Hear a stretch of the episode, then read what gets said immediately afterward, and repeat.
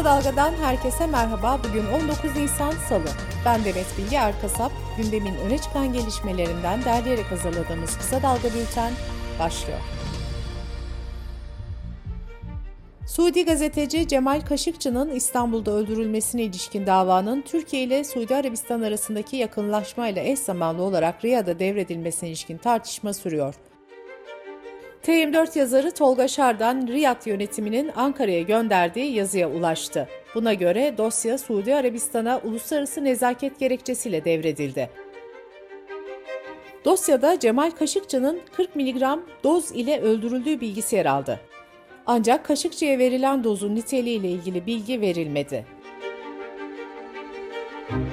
Türkiye Eczacıları Birliği ve 54 Bölge Eczacı Odası tarafından yapılan açıklamada SGK'nın geri ödeme listesindeki ilaçlar için ilaç firmalarından istediği iskontoları bazı firmaların uygulamadığı belirtildi.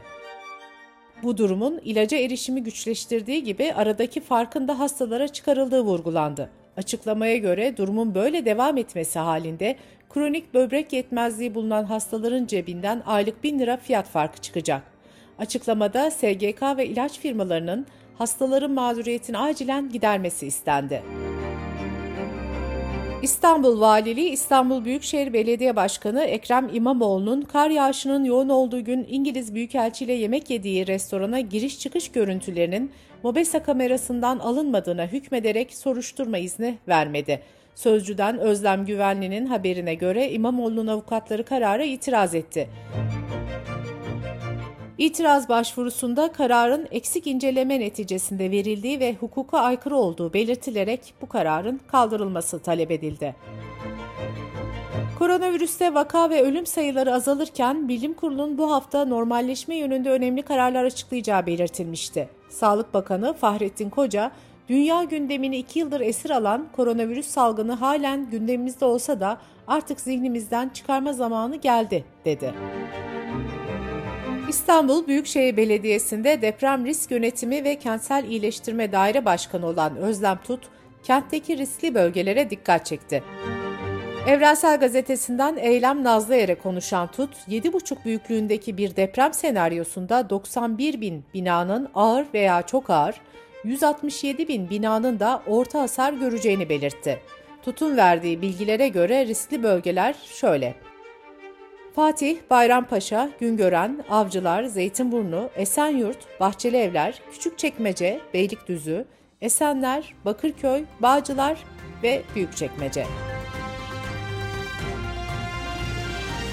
Sırada ekonomi haberleri var.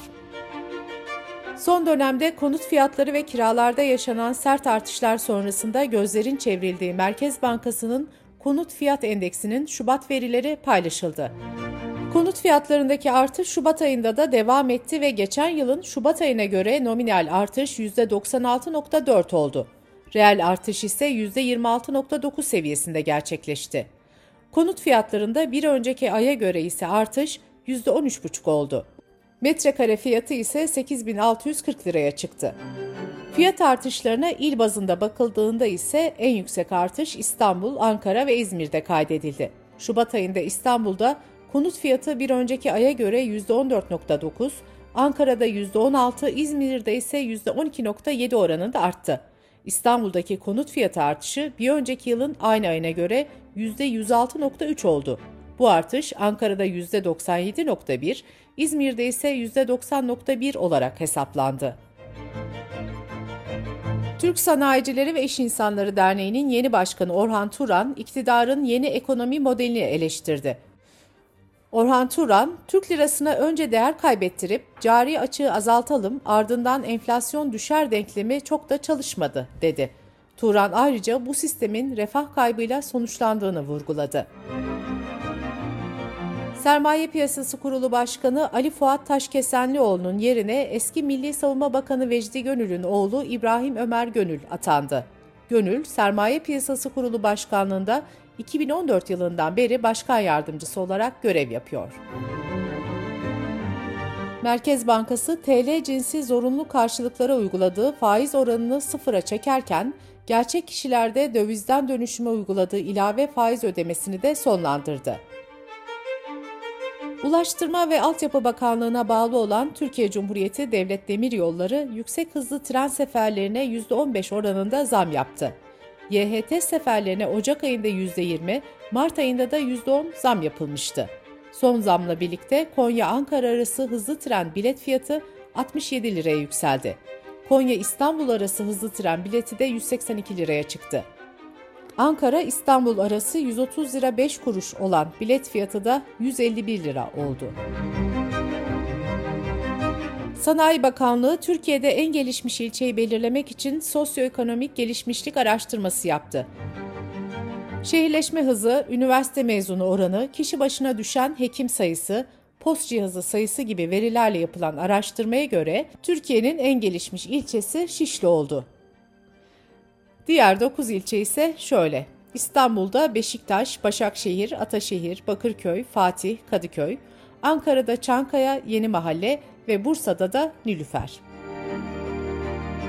Piyasanın en büyük kripto para birimi olan Bitcoin dün %3'ün üzerinde düşüşle 38.700 doların altına indi.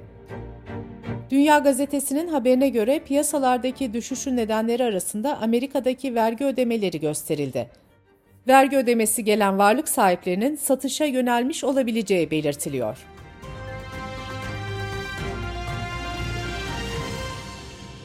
Dış politika ve dünyadan gelişmelerle kısa dalga bültene devam ediyoruz. Ukrayna'nın doğusundaki Donbas bölgesinde Rusya ordusunun saldırıları sürerken en şiddetli çatışmaların yaşandığı Mariupol'da sivillerin tahliyesi için insani koridor dün de açılamadı.